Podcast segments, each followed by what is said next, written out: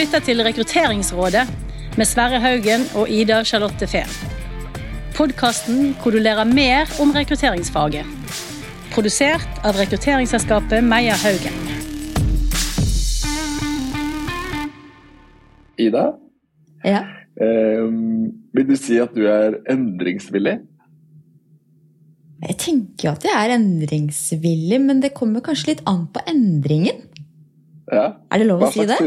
Ja, det er lov å si det. Hva slags type endringer syns du det er vanskeligst å gjøre? da? Eller har du sånn erfaringsmessig?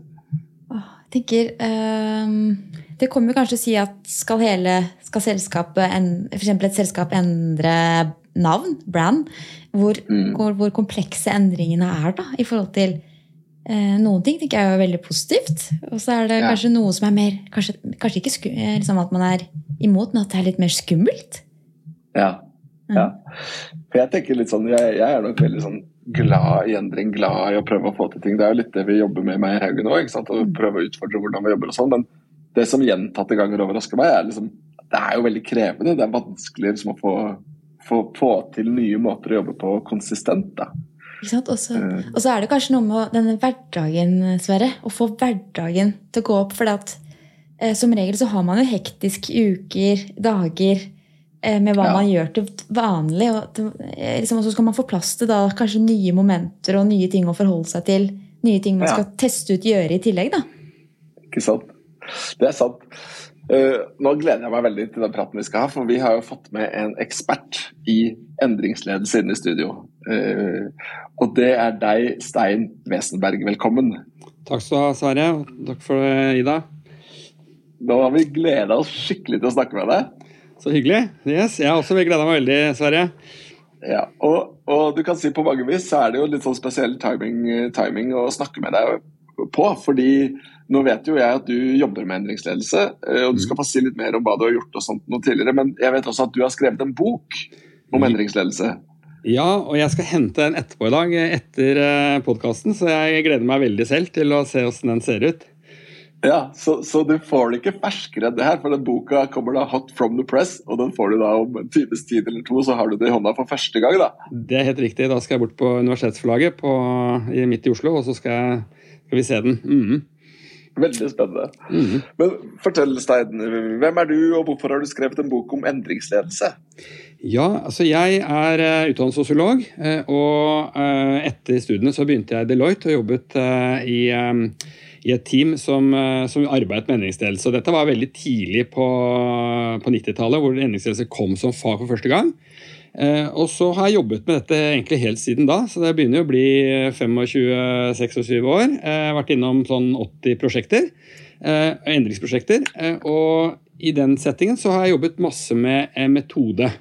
Metodikk for å få det til. For det, det, man trenger metode hvis man skal ha store endringer.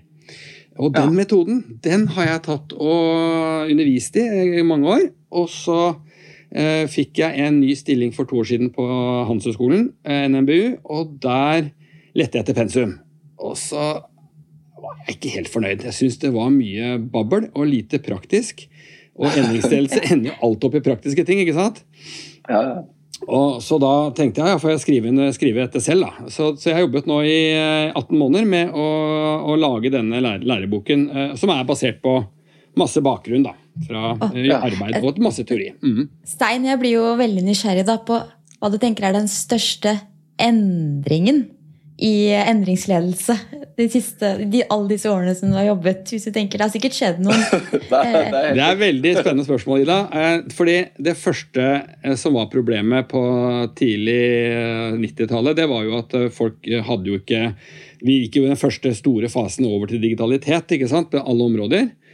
Eh, Så det var jo da å få folk fra analog til digitale ting. Eh, Og så eh, utover sånn 2000 så begynte alle å på en måte bli vant til digitale ting. Men nå siste kanskje fem-seks årene så skal alt opp i skya skybasert, ikke sant? Og det innebærer at eh, vi må akseptere standard eh, software i mye større grad enn tidligere. Eh, Og det gjør at vi kan ikke la medarbeidere eller organisasjonen få tilpasse seg sånn som man kunne gjøre før i tiden. Så det er mye mer top down-styrt, og da blir endringsledelse enda viktigere igjen. Så det er kanskje den største endringen som har skjedd, egentlig, sånn, på teknisk side. da. Det fins jo masse andre endringer, men i hvert fall der. Mm. Eh, og målet da med den praten her, det er jo å, å snakke om eh, endring i rekruttering, eller endringsledelse i rekruttering. Som mm. vi jo syns er et veldig spennende tema. og jeg tror vi skal i hvert fall prøve å få dekke to viktige områder. Det ene er liksom, hvordan kan vi, eller den som lytter, faktisk jobbe for å skape, eller når man skal gjøre endringer, da, i, om det er rekrutteringsprosesser eller nye systemer eller den biten. Det er liksom den ene tematikken som er veldig spennende, syns jeg. Og det andre er jo å se på Vi rekrutterer jo til organisasjoner, og de organisasjonene er jo kontinuerlig endring. Hvordan kan man tenke for å, for å skape en organisasjon som er rigget for endring på en annen måte enn det, det man er, mm. enn, enn å ikke være det, da? Mm, det er gode, gode spørsmål. Mm. Jeg synes Det er kjempespennende. Altså, man kjenner det jo litt på kroppen åpen eh, stein og Sverre, i forhold til det at i markedet man lever i nå, og alt som kommer av muligheter. og som du sa, Sverre, at eh, det er jo ikke bare, Rekrutteringsbransjen er jo kanskje ikke kjent for å være den som er mest innovativ eller, eller proaktiv. Og så er det noe vi, som vi har veldig fokus på. For det er handler om å kanskje ja, tilpasse kunder, utfordre kunder på hvordan vi ser at vi kan jobbe, og, og hvordan vi kan være med å påvirke fremover. Da. Det er jo kjempespennende. Ja, det er veldig spennende. Jeg tenker, Hvis du ser på sånn vår reise Nå, Da vi starta, så starta vi som et helt nytt selskap. Ingen legacy, ingen arv. Vi kunne ta de valgene vi ville, og det var veldig lett å gjøre endring. Og Nå er vi jo nesten 20 stykker, vi er 19. Og allerede da så begynner det å bli vanskeligere å implementere endringer fordi, bare fordi vi er blitt flere mennesker. ikke sant? Så hvis jeg spør deg først, da, Stein, hvorfor er det her med endring så vanskelig? Altså det, det, er flere forklaringsnivåer her. da. Eh, hvis vi begynner på det sånn psykologisk-biologisk nivå, så, så jo, eh, arbeider vi jo etter eh, det man kaller nevronbaner i, i hodet ditt, du, du, som, som, følger visse, visse mønstre. Psykologene kaller det ofte for tankeskjemaer. Og det gjør man, De perfeksjoneres, dine tankeskjemaer. Så når du skal ja, kjører, kjører bil, og det kommer en bil fra, fra høyre, så bremser du. ikke sant? Og, og det skjer, som en automathandling. Eh, og, og, dette læres, og det gjenspeiles mer mer, mer og mer. Eh, eh, og, og, det som skjer da, er jo at når du skal plutselig begynne å Si du kjører eh, bil i, i England, så, så, skal du da bråbremse fra venstresiden den endringen der den kommer jo da som en sånn eh, sjokk for deg. ikke sant? Og, plutselig så er du litt uoppmerksom, så, så, glemmer du det. Hvis du går til... Det har jeg gjort. Det er helt grusomt, ja. jeg har ikke tatt sjansen, jeg. Nei. Men, det, dette er jo en sånn typisk sånn Du får en, en, en endring som da blir så veldig momentan, da. Eh, eh, Kahneman for eksempel, han snakker om den en teoretiker, da, han er en psykolog, han snakker om at man har system 1 og system 2, og at system 1 er liksom altså, det, det, Dette er automathandling som skjer, og, man må sette spørsmålstegn med, med et av systemene hele tiden. og det er vondt, fordi hjernen vår den er sånn grunnleggende litt lat. Den er ressursbesparende. Så eh, i, i, hodet ditt, hjernen din, den bruker ca. 30 av energinivået i, i, kroppen hele tiden. Eh, og den ønsker å bruke minst mulig eh, energi. Så hver gang det kommer en endring, så er den tuna på nei, nå, den, nå må vi roe ned her. Og så ønsker den å, å vise motstand, eller en, den framkaller motstand. Den kommer ikke masse lysthormoner og masse gledeshormoner og sånne ting som, som det gjør vi i andre settinger. da. Så Det er en, en forklaring på ett nivå. Men det finnes jo masse nivåer her. vet du.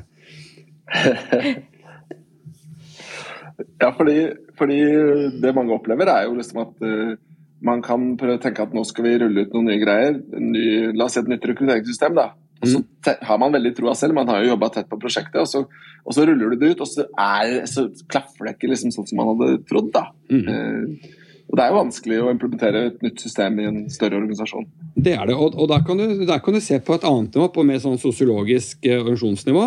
Hvor, hvor, det er visse regler som gjelder dere imellom i en organisasjon. Uh, og Dere er vant til en bestemt uh, måte å gjøre ting på, og så skal man da endre på den måten. Og da, Hvis man da ikke involverer folk godt nok, eller ikke snakker nok om endringen, ikke er samsnakket som gruppe eller som team, Eh, så kan noen føle seg litt støtt, f.eks. Kanskje en person som har vært med å utvikle systemet i sin tid, som har veldig stort og kraftig eierskap til det. Plutselig så, har, så, så, så skal det endres, og da føles det ut som et tap. da. Og man mister fjes i ansikt, eller fjes i, fjes i, i, i gruppen, ikke sant. Og, og det, det, blir problematisk. Og da, da, er vi på et annet nivå, ikke sant. Da er vi på det der sosiale nivå, på gruppenivå, da. Mm. Ja. For er, jeg tror nok det er mange som assosierer endring, i hvert fall i store konserner. La oss si at du ruller ut noen nye systemer som kanskje automatiserer litt sånn. Så er det jo, jeg tror i hvert fall jeg, jeg fanger opp da når jeg snakker med organisasjoner og kandidater og ledere, to ting som liksom ofte går igjen. Det ene er folk som er redde for å miste jobben sin. Mm. Og det andre er folk som har bygd opp kompetanse over lang tid, og som egentlig er da liksom ekspertene i sine mm. systemer. Og plutselig så skal de systemene bort. Ja. Og så, og så, er det ikke eksperten lenger. Nei, og, og, det, og det Jeg har, har, vært i mange sånne settinger, og det det er vanskelig. og man, man, er, Da må man jo vise eh, Det er litt sånn vise litt eh, verdi, eh, verdier overfor dem og føle, få dem til å føle at de, de har hatt sin verdi sin tid, og, og, men at det er nye tider som kommer. og, Sånn er utviklingen. og Du vil alltid ha noen personer som, som vil miste den, den uh, maktposisjonen sin. Da. og det er, det er vondt og vanskelig, men sånn er det å jobbe. Vi må videre, og da må noe vekk. Og, og de som da har eierskap til uh, dette gamle, de må, de må, rett og slett akseptere det. Og det, og det er ikke enkelt. Lett å si, Nei. men ikke lett å føle, da. Mm. Er det noe, finnes det noe triks, grep, eh, teknikker man kan gjøre når man har en dialog med sånne mennesker for å liksom gjøre det lettere for dem? Altså, har du det, skrevet noe om det? Ja, jeg, da, det, du, det, som jeg lønner seg å gjøre, da, det er å få bruke tid. Det er det viktigste. Ja. Altså, ha tid og sette seg ned eh, og høre på hva de har å si. Eh, få de til å tømme seg. Få de til å uttrykke åssen de har det. Få de til å fortelle om frustrasjonen sin, eh, og, og, og ikke, ikke, ikke, gå for fort fram der. La mm. de få lov til å være i den vanskelige fasen sin en stund, pleier jeg å si. Ikke mm. hele tiden, men en stund. Ta hensyn og, og, og vær til stede. Eh, og anerkjenn at det her er vanskelig. Ja. Hvor, hvor viktig er det at man kommuniserer hvorfor, da? Hvorfor endringen eh, kommer? Ja, det er, det, er en, det er, en, veldig viktig del av, av uh, kommunikasjonen fra uh, endringsteamet eller fra ledelsen. Uh, en ting som er også veldig viktig, det er jo å forklare hva man får igjen for det. Men det er for mm. de som da måte, skal endre seg og blir i organisasjonen. Ikke sant? Men for dem mm. som skal, må på en måte slutte, eller på en måte som da ikke får noe posisjon lenger, det, der er jo hvorfor, og at det er en forklaring på det. Som regel skjønner man det, selv om det er vondt og, og vanskelig. Ja. Du har jo helt sikkert vært borti både suksesshistorier og skrekkhistorier når det kommer til mm. endringer. Ja. Uh, ja. Hvis du, klarer du, kanskje du også har skrevet om det for alt jeg vet, men klarer du å trekke fram noen sånne typiske fallgruver? Hva er det som regel som går gærent når det går gærent i en endringsprosess? Ja, Det som ofte, eller det viktigste er, er at ledelsen eh, kommuniserer og endringen står bak den, eh, og at ledergruppen står samlet om den. Det er, liksom, mm. det er noe av det viktigste. Eh, og så er det å forberede eh, de som skal gjennom endringen, på at den kommer. Ikke, ikke bruk for kort tid der sånn. Ja. Kommuniser at endring, en type endring kommer så lenge at, at begynner, folk begynner å bli utålmodige. Ja, nå har du snakket lenge om det, kan ikke komme i gang. Og så er det da involvering. I den grad man kan involvere eh, medarbeidere, eh, så, så gjør det. De gangene man måtte glemmer å involvere, da har man ofte et, eh, et problem. Og, og, da kan opp, endringsmotstand oppstå uten at det egentlig burde behøvd å være det. da. Ikke sant. Stein, noe som jeg føler at vi hører mer og mer om, er jo det med endringskapasitet. Også som du sa, på en måte bygge opp en, kanskje en eh, endringskapasitet som gjør at man står litt i det og er sånn rigget for at endringene kommer. Det blir vel litt som at langrennsløperne sikkert stikker i høyden hvis de skal konkurrere et sted hvor man trenger på en måte å være rigget for å stå i riktig luft osv. At, man, mm. at man rett og slett er litt klare og kanskje har tilrettelagt for at man har muligheten til å stå godt i endringen også. For det, som vi snakket litt om, at det er jo travle dager. Mm. Dette her dreier seg om å etablere en endringskultur i en organisasjon. Eh, og få de medarbeiderne du har, og ledere, mellomledere, til å forstå at eh, endring eh, må til og er vanlig og, kan bli en privatbedrift, et konkurransefortrinn. Altså Hvis man ikke endrer seg til, altså Endring er jo primært å tilpasse seg omgivelsene og markedet. De, de, de organisasjonene som ikke har endringsevne, endringskapasitet det er, det er, mange fine ord man kan bruke her, men, men de som ikke har endrings, liksom, til, å få til endring fordi de, de ikke har trent på det, de, kan plutselig slite. fordi Hvis endringen kommer brått på, og de ikke man er utrent, da, for å bruke det idrettsmetaforet ditt. Så, så, skal du løpe maraton og ikke har trent på å løpe maraton, så, så, får du en, da får du en smell. Mm. Så, så, det, så, det, å hele tiden trene på, eh, trene på endring og, og, jobbe med endring eh, før den kommer, det er viktig. Og, og, der har jeg en ting jeg jobber mye med, og det er det å trene på å få folk til å være umiddelbart positive. Altså når, noen, noen, det er litt sånn som brainstorming. Når noen kommer og, og sier til deg, Sverre, eh, at vi kan vi ikke gjøre sånn, og du reagerer nei, nei det, det, det går jo ikke. Eh, så, så, er det alltid, da, da, er det ikke umiddelbart positiv. Umiddelbart positiv betyr at hvis noen kommer med en endring til deg, så sier de ja, så interessant, kan du fortelle mer om det? Eller spennende, fint du kommer med masse ideer. At det alltid er en umiddelbart positiv respons fra lederen, eller fra de som kommer, eh, til de som kommer med endringen, og, og, med et forslag. Da. Og, og, Så kan man vurdere det etterpå. Men den, mm. den umiddelbare responsen skal alltid være sånn OK, det her skal vi sjekke ut, og hva er for noe? Positiv tilbakemelding, da. Mm. Så dette er egentlig sånn et personlig tips da, til mm. hver enkelt av oss i forhold til hvordan kan vi bli bedre på endring selv. Så er det jo istedenfor, når det kommer en endring, å tenke hvilke problemer vil dette skape? At man tenker hvilke muligheter vil dette skape isteden? Ja, og, det, og det, det, og det går rett og slett bare på innstilling og bevissthet. Hvis du har et psykologisk setup hvor du ofte er, er trent hjernen din til å tenke negativt, så er det veldig lett at du umiddelbart går i den eh, nevronbanen der og går i det tankeskjemaet der det, må, det, man må gjøre, er å trene folk på å tenke umiddelbart positivt istedenfor. Og, og på en måte ta, knekke vekk den biologiske responsen som hjernen din er strukturert etter. Ja. Oh, nå kjenner jeg at jeg sitter med sånn skikkelig nysgjerrig spørsmål. Sverre, for det, Hvis man drar det ned på individnivå, da, for vi jobber jo veldig mye med selskaper nå som er inne i moderniseringsreiser. ikke sant? Uh, ting skal i skyen, man skal omorganiseres, man skal struktureres i forhold til hva som skjer fremover.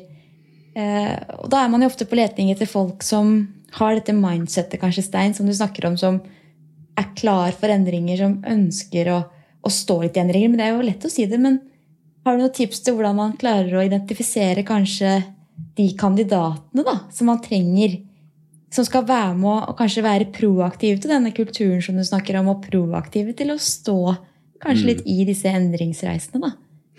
Det, det, jeg, jeg, det, er jo noe, sånt, noe, som heter personlighetstest, og jeg tipper dere kan en del om. så, så, så, dette her eh, dette går jo på å rekruttere personer som kanskje scorer eh, ikke så høyt på nevrotisme, eh, og kanskje ikke scorer så høyt på regelorientering.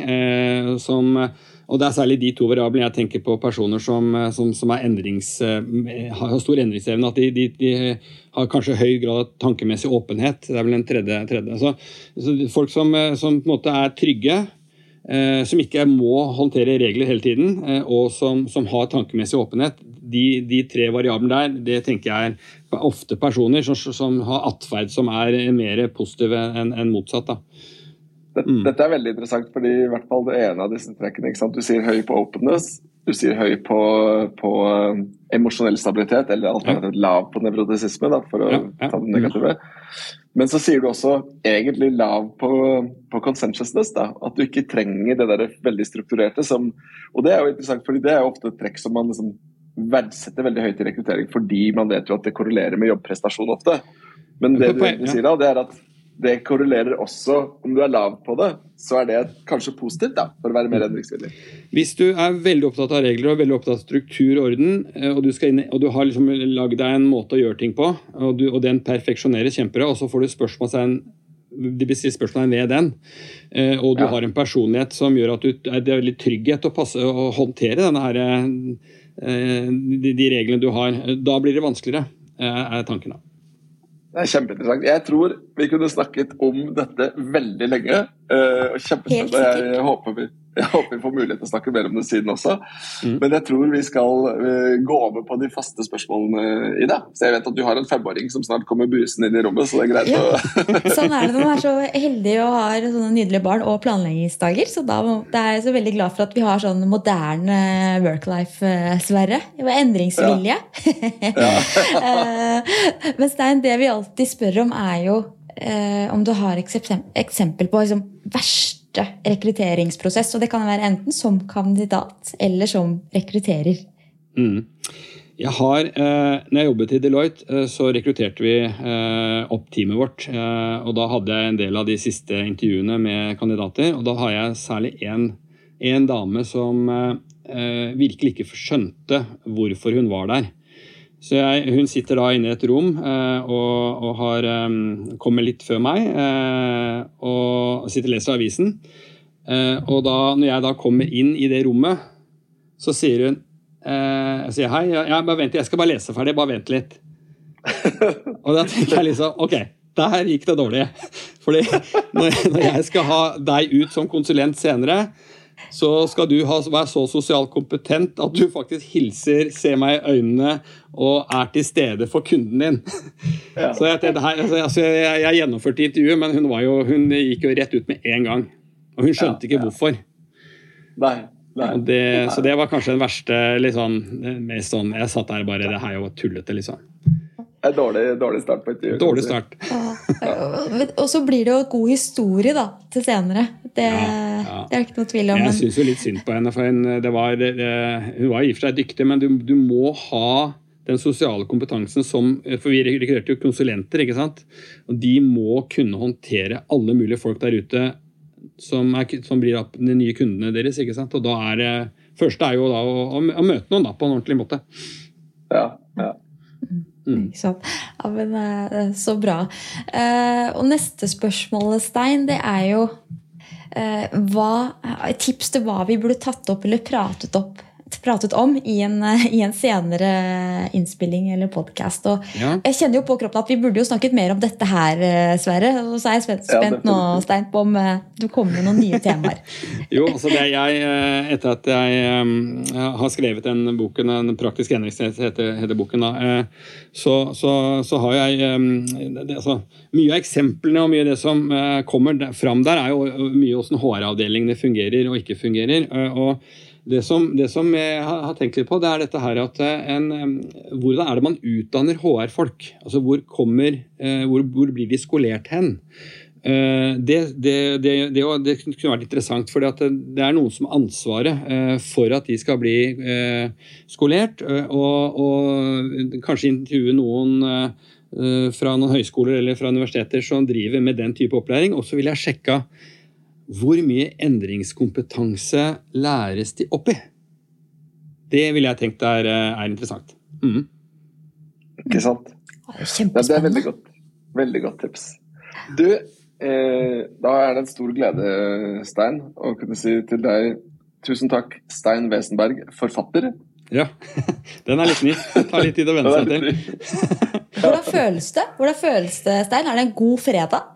Det er en veldig god fredag. og det, det blir, jobbet, Når du har jobbet så mye med noe, og det plutselig skal bli materialisert, det, det, det er en fin følelse. Det er virkelig. Jeg gleder meg til det. Det er veldig bra. Mm. Uh, Ida, uh, før vi nå runder av, uh, hva er dine hovedtakeaways fra denne praten? Oh, akkurat denne praten Sverre, syns jeg det var litt vanskelig å liksom, prøve å samle, samle noen ting. Men jeg har en følelse av at uh, Stein Jeg føler at mye av det han snakker rundt, har litt å si med kommunikasjon. På ja. hvordan man skal tilpasse seg den du ønsker å snakke med for å få til en endring. Jeg bare mm. tenker sånn som Når vi snakker om podkast og vi skal få med kunder på For det er jo faktisk en bitte liten miniendring i forhold til hvordan man jobber med rekruttering. Ja, for å skape ja. den tryggheten rundt at dette er litt kult å prøve. Eh, så jeg, jeg, har, jeg, tror jeg sitter igjen med kommunikasjon som en sånn uh, alfa og omega å gå litt inn i seg selv på når man uh, skal snakke om noe nytt?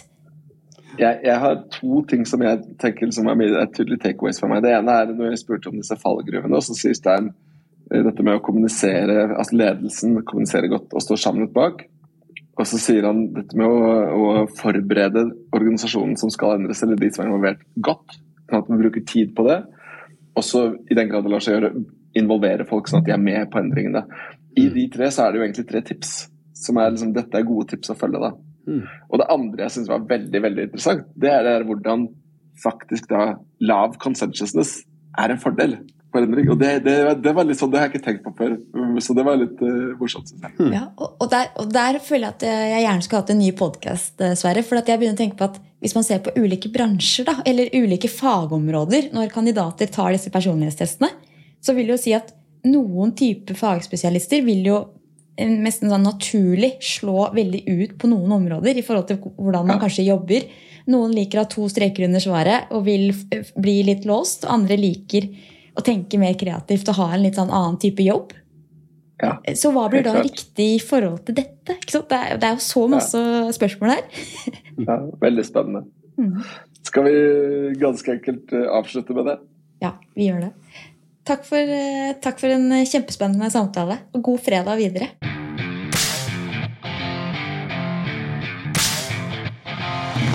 Du har lyttet til Rekrutteringsrådet av Meyer Haugen. Vi produserer også Topplederpodkasten og Stillingspodkaster. Har du forslag til gjester eller tema vi bør snakke om, gå inn på vår Facebook-side Meyer Haugen.